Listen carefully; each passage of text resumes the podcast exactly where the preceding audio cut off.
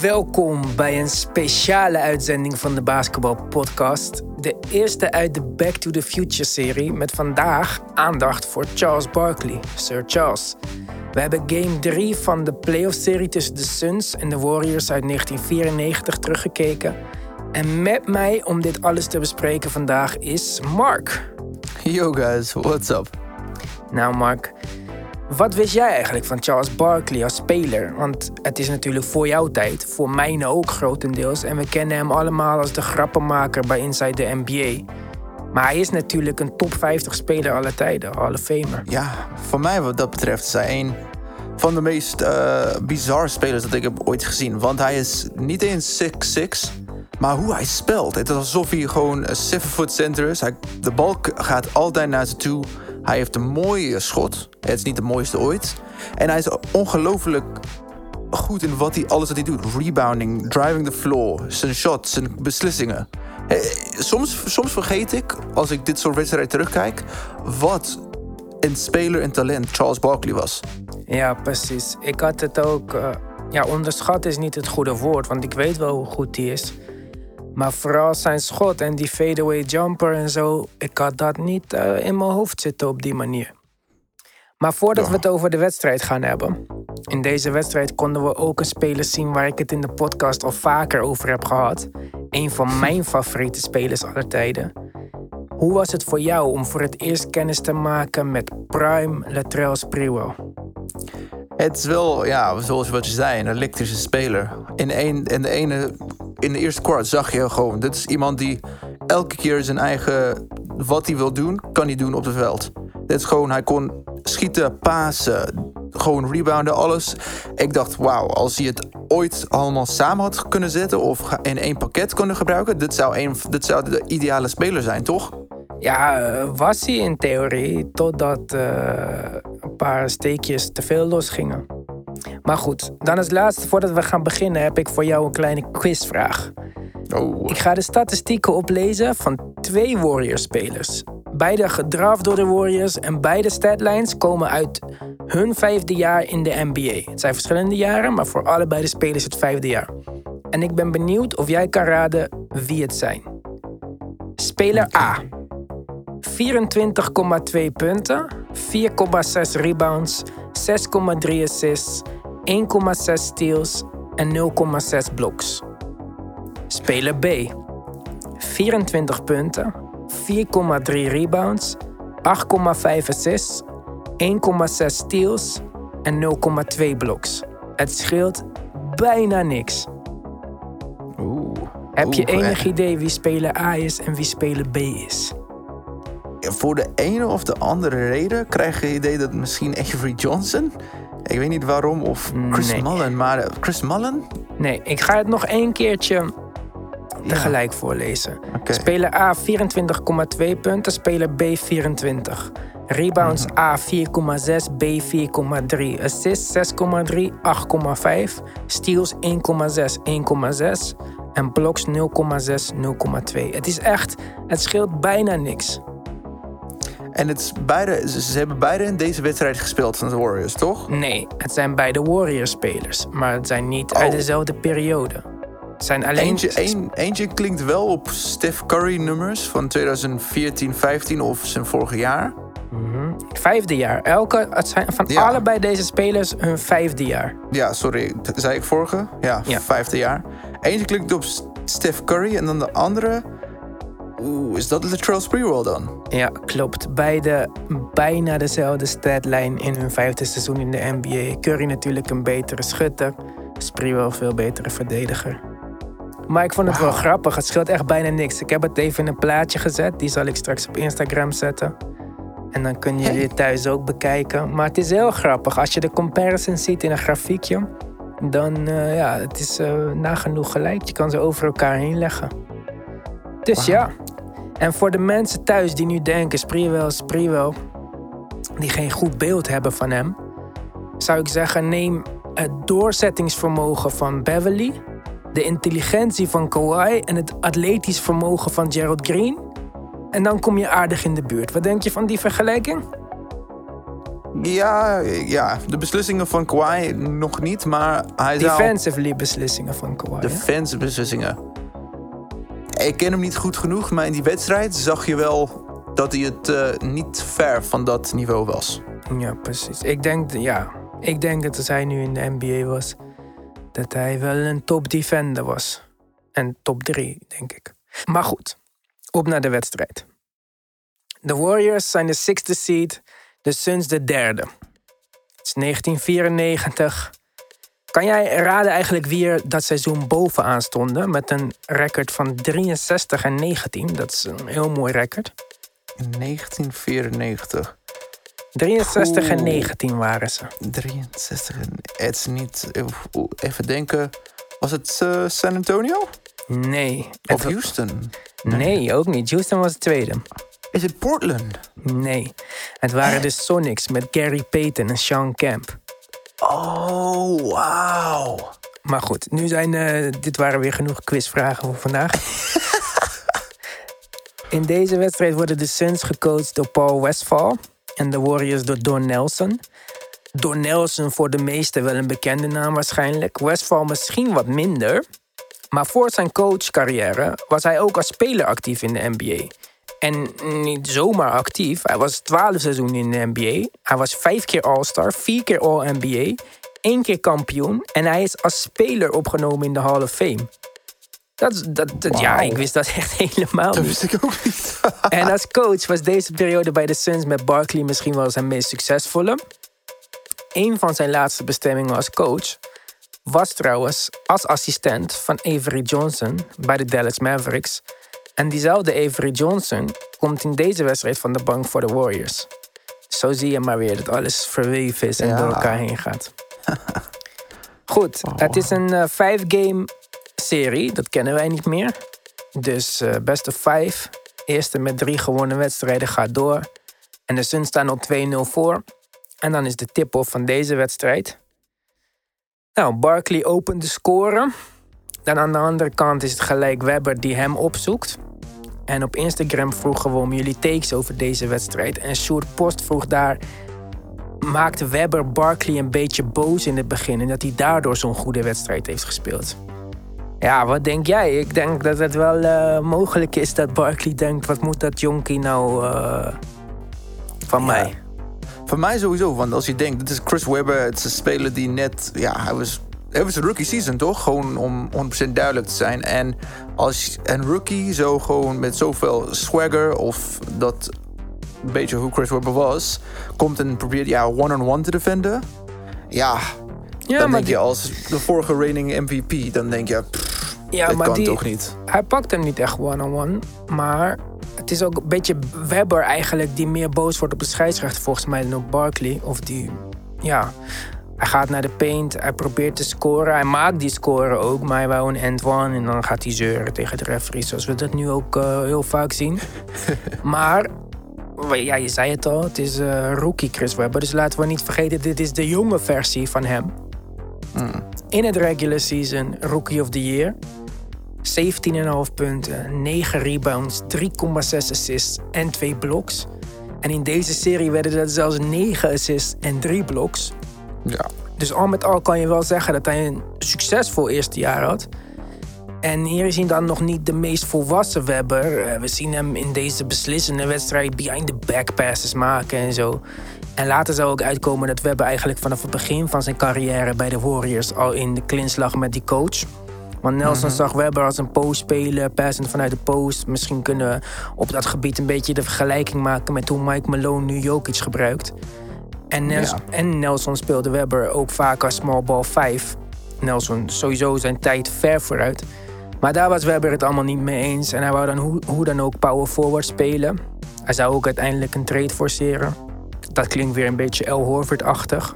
Misschien als hij gewoon zich had neergelegd bij het feit dat hij een super goede small ball 5 postspeler had kunnen zijn. Had hij misschien wat meer bereikt in zijn carrière. Ik denk het wel, maar dat kunnen we ook zeggen over Anthony Davis. En ja, als hij de hele tijd small ball 5 zouden spelen, misschien is Sky niet de passer zoals Chris Webber. Want Chris Webber is wel een van de beste passes voor zijn positie. Of wat ja, dat voor zijn ook- positie. Dat eh, Toch? viel me ook zeker op deze wedstrijd. En Ja, hij is... ik zei ja, de vorige keer nog van... eh, ja, Chris Webber, echt de loser. Maar hij is wel een goede passer. Ik denk meer dat het zijn attitude is. Die, ik denk dat het met talent wel goed is, maar, zit. Maar ik denk dat het zijn attitude is die, ehm, die het een beetje verpest heeft voor hem. Ja, sowieso, sowieso. Maar dat is, eh, zoals je zei, we hebben ooit besproken over zijn college carrière en zijn hele leven. Ja. Het was altijd 99% was hij goed. Maar dat laatste procent of dat laatste deel, net voordat je over de finishlijn komen, kon hij het net niet voor elkaar krijgen. Ja, wist je is- trouwens dat hij de eerste pick was? Ja, dat wist ik wel eigenlijk. Maar wist je ook dat de Magic hem gekozen hebben als eerste? Dat wist ik niet. Ze Ja. hebben hem getrade, eh, de Warriors, voor de nummer drie pick en drie future first round picks. Doet je bijna denken aan een eh Phil Statham-achtige trade. Wie kregen de Magic daarvoor terug? Penny Hardaway Ja. en die drie future first round picks. Dus zij hebben het niet zo slecht gedaan. Wel kortere carrière dan we hebben, maar goed. En ook in die draft trouwens, als 26e gekozen, in de eerste ronde. Wil je een gok wagen? Nee, ik durf het niet. Onze landgenoot Geert Hamming. Echt? Ja, wordt als 26e in de eerste ronde gekozen eh, bij Orlando ook. Waar hij herenigd wordt met Shaq, die hij nog kende van LSU. Tuurlijk. Leuk? Wauw.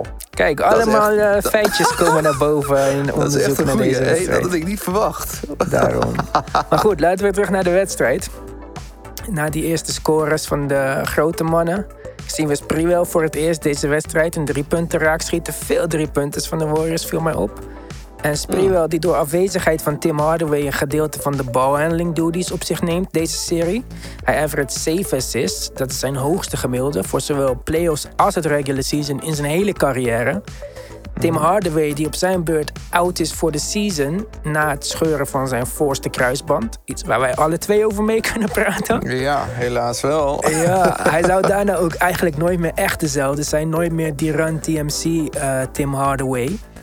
Want ja, hij had, hij had een killer crossover. Nou ja, jij weet net sick, als je knie kapot is... dan als dat niet meer veilig voelt, niet meer 100% voelt... dan is, je, ja, is die snelheid Yes. toch weg. Maar nog steeds een mooie carrière gehad natuurlijk. Barkley was ook twijfelachtig voor deze wedstrijd. Eh, volgens de commentatoren. Want die eh, zeiden dat hij last had van muscle spasms op de training. En niet zeker was om te spelen. Maar dat leek hem deze wedstrijd niet tegen te houden. En ik ging een beetje kijken met het idee van... heeft hij nou hetzelfde lich- lichaamstype als Zion? Want hij is ook een undersized big man. En ik ging goed opletten en hun game vergelijken. Maar ik moest eigenlijk snel concluderen al dat het zinloos was. Want Barkley's jumper en postgame zijn echt veel verfijnder dan die van Zion. Ja, zeker. Ik, dat dacht ik ook. Ik denk gewoon qua lichaam en hun second step, dat is wel... Second jump niet- of second Ja, step? het is second jump. Second jump, Ja, hè? dat Maar vond ik ook opvallend. Maar gewoon, je ziet, uh, Zion is wel gewoon een wrecking ball in een paar manieren. Als hij naar de... Als met gewoon zijn jumpshot. Het is gewoon niet echt... Ja, maar zo zat. Barkley ook meer in mijn hoofd als een soort van wrecking ball. Maar, Maar dat in deze wedstrijd ook. was hij echt super smooth gewoon. Hij was een beetje Carmelo-achtig in de post. ja, toch? dat Fadeaways had en zo, ook mooie touch. Het, is gewoon, het zag gewoon zo wit. Gewoon alle, alle, alle fadebacks, alle stepway. En ik denk door zijn blessure eigenlijk dat hij zo, met zoveel finesse ging spelen. Want het lijkt alsof hij alleen naar zijn jumpshot ging spelen... in plaats van naar de, naar de, naar de rim en echt gewoon... Ja, leeg Ja. dunken, toch? Hij had wel een paar eh, moves naar de rim in de wedstrijd. Komen we later nog op. Maar kijk, over die vergelijking met Zion. Vergeet niet dat het wel Barkley zijn negende seizoen is waar we naar zitten te kijken. Dit is niet een rookie season.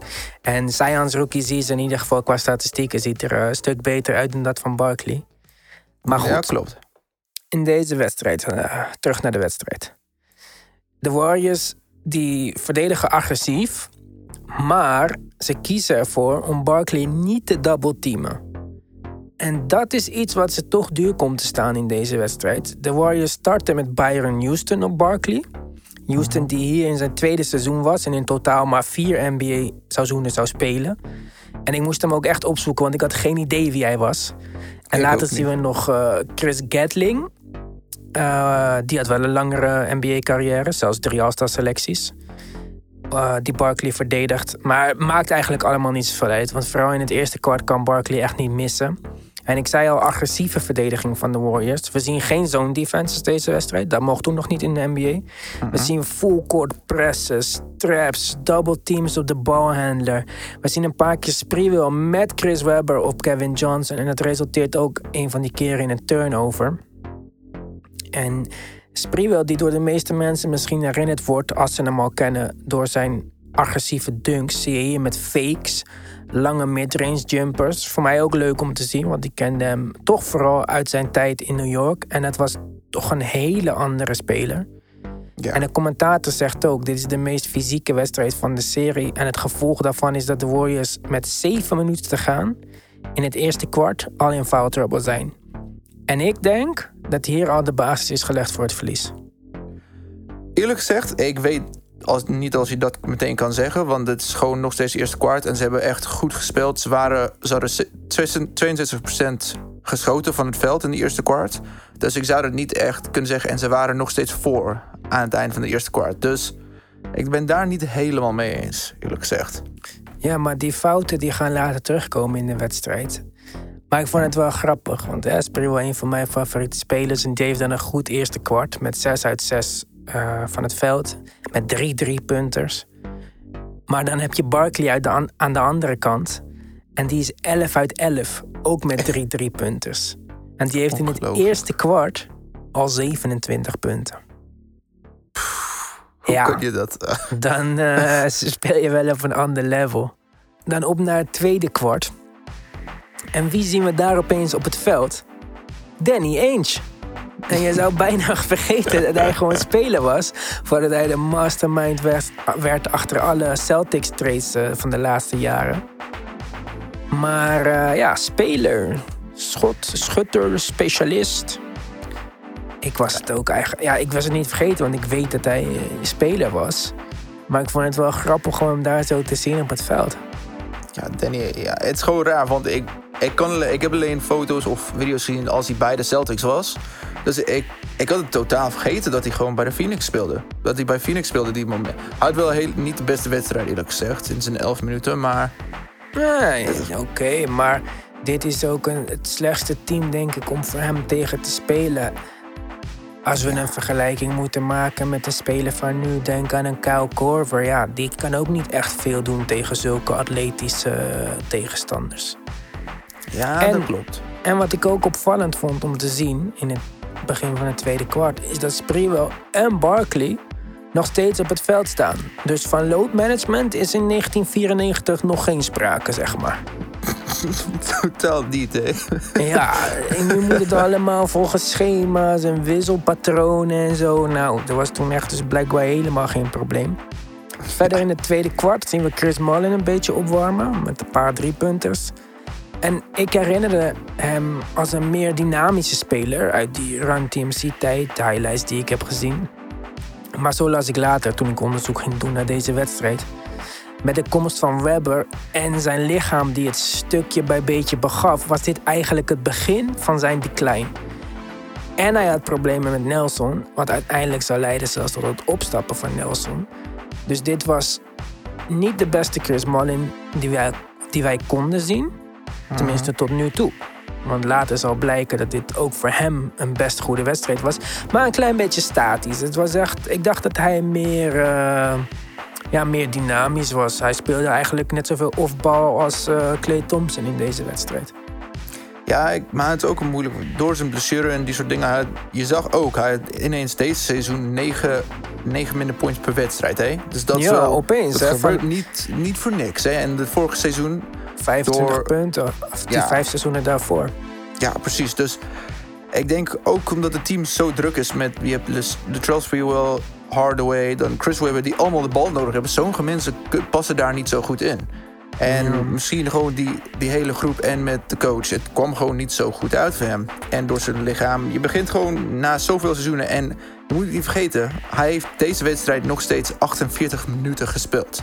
Dus het is niet alsof hij je dynamisch zijn voor 48 minuten is. Uh, ja, ja, ja.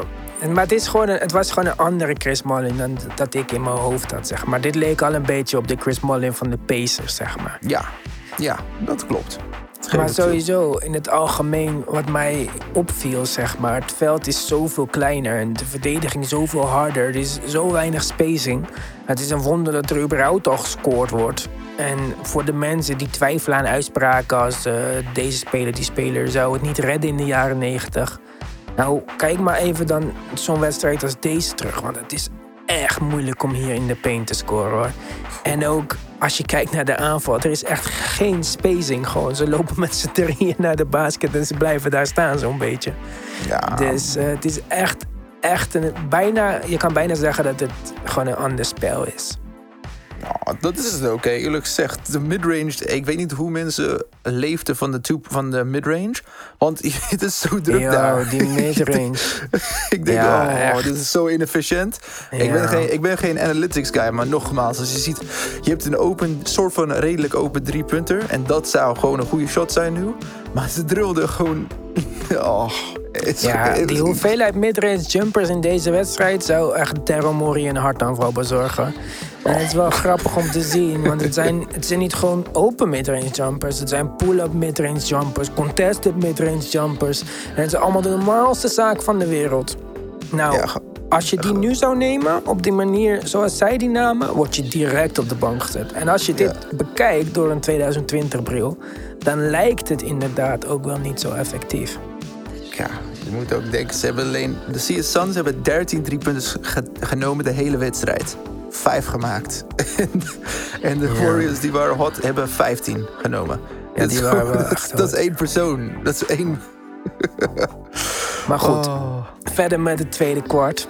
Op een gegeven moment zet Barkley een screen voor Kevin Johnson. En in plaats van dat Sprewell over het screen gaat of onder het screen doorgaat, wil hij dwars door Barkley heen. En die wordt zo boos, uh, die moet worden tegengehouden door Kevin Johnson. En het is geen verleken fout, maar het betekent wel dat Sprewell al zijn vierde fout krijgt. Ja. En hij moet naar de bank voor deze wedstrijd. En dan zien we Avery Johnson die het spel moet maken. En al de bal verliest in een isolatieplay op zijn eerste poging. We zien hem in de backcourt naast Keith Jennings. Moest ik ook even opzoeken. Maar dat is een 5-7 guard. En dan kan je het al een beetje voorspellen. Zo'n klein backcourt.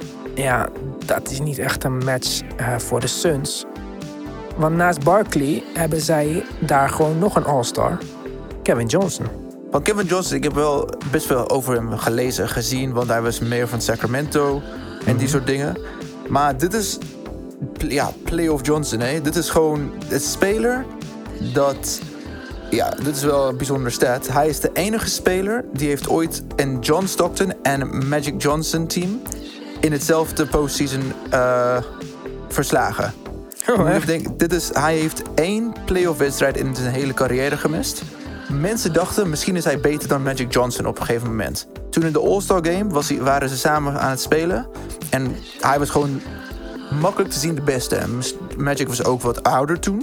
Maar nogmaals, dit was toch... Magic had nog net een finals bereiken. Hij was 63 wins met de Lakers. En dan hetzelfde seizoen hebben, heeft Johnson de Suns past de, de Lakers met gewoon in four games to one. Gewoon 4-1 tegen een, team met 63 wins in een seizoen. Dat is gewoon, je moet over denken over de Dallas Mavericks tegen de Warriors in 2007. Om dat weer te zien. Het is echt bizar hoe goed hij was. Bill Walton zei: Dit is beter spelen dan Magic Johnson. En wat achteraf niet echt kunnen kijken naar een carrière Maar hij is ook niet zo de geschiedenis ingegaan. Want dat is denk ik niet hoe iemand ook maar over hem denkt. Nee, ja, je moet. Dus, Tenminste, misschien zie ik het fout. Maar toen ik, hem, toen ik deze wedstrijd ging kijken. en ik ken Kevin Johnson zeker. en ik wist ook dat hij burgemeester was. en ik ken hem als speler, et cetera. Maar ik keek die wedstrijd en dacht: wauw, hij is echt goed, man. En dan was dit nog niet eens zijn beste wedstrijd, zo heb ik gelezen. Ja, en wat je moet weten is. voor de laatste van tussen 1992 en 1996 had hij een hernia in zijn rug. En hij heeft is, door alle hernias gespeeld, alle vier jaren. Hè? Hij heeft best veel wedstrijden gemist de regular seizoen. Maar denk gewoon zijn, in 1993 en 1994, waar hij ja, ongeveer 30, va- eh, 48, 38 minuten per wedstrijd ging spelen, had hij een hernia en nogmaals boven 22 punten per wedstrijd in de playoffs en assists en die soort dingen. Hij, was, hij heeft een wedstrijd van 62 minuten gespeeld. En dat in zijn game Jokic 3. Je moet gewoon denken, 62 minuten in een wedstrijd. Ja. Met de hernia. I mean, hij heeft ja, samen, samen met Barkley. Jammer dat hij zoveel blessures had uiteindelijk, Johnson. Maar samen, als je deze wedstrijd kijkt, je ziet, wauw. Dit zijn echt een dynamic duo. Dit zijn, zou in de league nu een van de beste duo's zijn, toch? Ja, maar daarom wou Barkley ook weg bij de Sixers, omdat hij wou spelen met de point guard. Ja, ja. Maar goed, over Barkley gesproken, één leuk statistiekje over hem. Want we zitten nog steeds in de eerste helft. Maar op het einde van de eerste helft heeft hij al 38 punten. 38 punten, hé. Hoe kan dit? Dat is Ja. bizar, hè? Op naar de tweede helft dan. De tweede helft gaat van start. Sprewell krijgt binnen no time zijn vijfde fout. Op een drijf van Gavin Johnson. Legt Ja. hij zijn hand op zijn zij. Wordt een foul gecallt. Hij moet gelijk weer naar de bank. En wie zien we daar naast Don Nelson staan als de bank in beeld gebracht wordt? Heb je het gezien? Je kan het je bijna niet voorstellen dat hij een leven had voor de Spurs. Maar de assistentcoach van Don Nelson is Greg Popovich. Was dat Greg Popovich? Ja, die was de assistent van Nelson deze wedstrijd. Ik dacht echt, wat is dit? Ja, Dat heb ik helemaal niet gezien. What? Ja, dus dat vond ik wel grappig. En met Sprewell op de bank moesten de Warriors dan zwaar op Chris Mullin leunen en Avery Johnson. En Avery Johnson kunnen we later in zijn carrière weer samen zien met Popovich in San Antonio. Dus ik vind het wel grappig hoe je ziet dat deze, deze, hoe je verbanden in deze wedstrijd ziet die later weer terugkomen, zeg maar. Wauw, dat ik helemaal niet door. Dat is echt bijzonder, ja. Het, is- Ja. het leven, ja. En Avery Johnson dus van de bank was hij niet zo blij mee. En dat jaar maakte hij ook eh, deel uit van Dream Team 2. Waarover Kevin Johnson eerder nog had gezegd... van straks gaan we Avery Johnson en Nick Van Exel ook nog All-Stars maken. En dat viel weer niet goed bij Avery Johnson. Nee. Dus die was behoorlijk gemotiveerd om tegenover Kevin Johnson te staan. En je ziet dat het tempo van de wedstrijd in het derde kwart echt omhoog gaat en zo. En je ziet dat Avery Johnson op Kevin Johnson is. En wat er ook gebeurt, hij laat hem niet scoren. Kreeg bijna een soort van Beverly-achtige... eh, eh, ja, niet flashbacks, echt maar... Een dog. Gewoon, hij, kon niet scoren, hè. Het is gewoon een mission, man on a mission, hè, from God. Ja, maar ja, Kevin Johnson misschien niet scoren, maar hij was wel echt de floor general. Want hij verdeelde het spel wel heel mooi. En over het spel mooi verdelen gesproken. Webber had echt een hele mooie bounce pass door het midden naar Billy Owens. En de volgende aanval daarna had hij gelijk in een tip in scoren. Dus hij was eventjes in een flash weer nadrukkelijk aanwezig. Maar vooral die passes, waar we het al eerder over hadden, vond ik echt indrukwekkend van eh, Chris Webber. We hebben Jeff Greer van de bank die invalt voor Sprewell. Die ook zijn steentje bijdraagt. Zeker. Maar ja, het is toch niet hetzelfde als, eh, als met Sprewell op de vloer. En in het Dus vierde kwart komt Sprewell terug. En je ziet, er gaat gelijk dreiging van hem uit. Hij drijft en hij past naar Avery Johnson met zijn eerste aanval. Maar krijgt aan de andere kant van Dan Marley gelijk een driepunter om zijn oren. Echt in your face driepunter. Dan Marley trouwens, ik wist niet dat hij zo gespierd was. Ik kon me helemaal niet herinneren. Maar deze guy is fit fit. Lijkt gewoon blanke Aaron Gordon of zo, hè? Echt, hè? Hey, sowieso. Ja, Marley met 10 punten in de eerste drie minuten van het vierde kwart. En Sprewell kan geen risico's nemen. Dus ja, hij speelt met vijf fouten. Die verdediging ja, moet toch een beetje losser dan. En op een gegeven moment zie je Barkley, want die speelt ook nog steeds de hele tijd. Die hobbelt echt zo naar de andere kant. Ik dacht, ah, zie je, nu gaat hij moe worden. Ja. Nou, hij gaat posten tegen Byron Houston. En ook zo'n soort van luie post. Dus ik dacht echt van hij is nu moe. Dan spint hij super snel weg voor een reverse layup en een N1. Echt, ik dacht, ik dacht bijna van dat doet hij volgens mij expres. eh, Om die tegenstander voor de gek te houden. Maar ja. ja. mooi om te zien. Barkley. Oh, oh, ja, Barkley in zijn prime. En dan als je hem nu achter zo'n desk ziet dat is toch wel een groot verschil. Ja, maar Charles Barkley, zoals het is, je zag gewoon, dit, maar dit komt best bekend voor in zijn carrière, dat hij gewoon een klein beetje pauze zou nemen in de tussentijd. Of hij zou, het leek alsof hij heel moe is, maar de motor van gewoon, ja, en een marathon run hè, af en toe als je gewoon naar hem kijkt. Ja, Met zo'n grote lichaam ook, hè? Ja, ik vond het ook. En daarom denk ik ook voor de mensen thuis, ga deze wedstrijd terugkijken. Want we zijn nu op het einde van het uh, vierde kwart, met nog vijf minuten te gaan ongeveer, is het punt waar we nu zijn. Maar het is echt nog steeds een spannende wedstrijd. Zeker leuk om te kijken. Je kan de wedstrijd gemakkelijk vinden op YouTube als je gewoon intypt uh, Warriors Suns 1994 Game 3. Dan vind je hem zo. En met vijf minuten te gaan in het vierde kwart zie je dat al zijn eerste punten scoort in de tweede helft. Mhm. Want ja, die uh, de grootste gedeelte van de tweede helft op de bank gezeten. En we zien eigenlijk voor het eerst dat Chris Webber Barkley gaat verdedigen. En met weinig succes, want Barkley overpowert hem in eerste instantie niet eens echt. Maar hij maakt gewoon vetter plays. En Webber trapt keer op keer in. Hmm, en met onder drie minuten te gaan, is het nog drie punten verschil in het voordeel van de Suns. Na een mooie inside-out pass van Webber naar uh, Jennings. En vervolgens forceren de Warriors een turnover. Dus je denkt, nou, nu komt het echt close. Maar die Jennings, die net die drie punten raak schoot... verliest die bal als hij over de middenlijn loopt. En echt een rare actie. Net over half court. En Cedric Saballos, die de bal oppikt, daar maakt hij dan een fout op. Die mag naar de lijn en schiet een van zijn twee vrije worpen raak. Dus dat was zonde, want het was een kans om gelijk te komen. Dan had het nog wel eens echt uh, spannend kunnen worden. In de volgende aanval gaat de bal naar in de post, die een turnaround fadeaway maakt. En het wordt twee punten verschil. Mhm. En dan zie je Barkley tegenover Webber. En dit vond ik een van de, van de mooiste. Ja, ik school jouw acties. Hij overpowered Webber met een dribble eigenlijk. Een hele mooie move langs de baseline. Voor zijn 56ste punt. Ja, ik vond dit echt gewoon jongen tegen gewoon de olde je zag gewoon, Chris Webber was gewoon niet klaar voor dit. Hij is te jong, de young guy, on the street. En Barkley met zijn, met zijn finesse, met, met zijn ervaring. Je, ik dacht, wauw, dit is echt een van de beste... Zijn footwork was echt bijzonder. Ik had het niet verwacht. De footwork, gewoon om dat te doen, zo laat in de wedstrijd ook. Zijn sparkplug energies. Even schoon, hij had het in zijn gedachten. Sweep and go home. Dat was gewoon, dat was gewoon de Barkley. Ja, dat, zeker. Want na dit punt was er nog een gemist schot van Sprewell. Daaroverheen kwam een score van AC Green.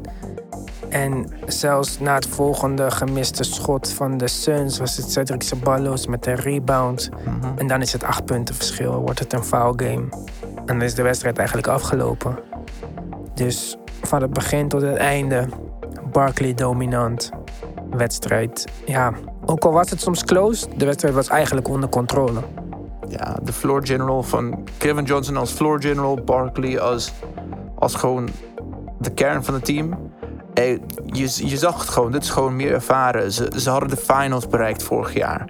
En dit was gewoon een jong Pacers team met Chris Mullen die gewoon, ja, hij was wat ouder en wat meer ervaring. Maar als Spreewell gewoon die problemen niet in, foul, niet in foul trouble was gekomen, ik denk dat was wel een kans.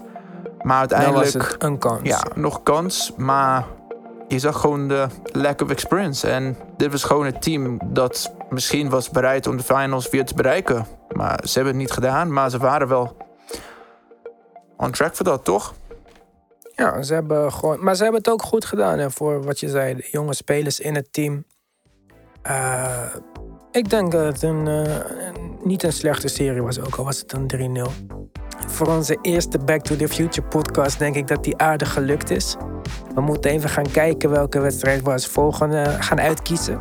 Maar we zullen hem weer aankondigen op Instagram. Dus hou onze Instagram in de gaten. En dat is... At de basketbalpodcast.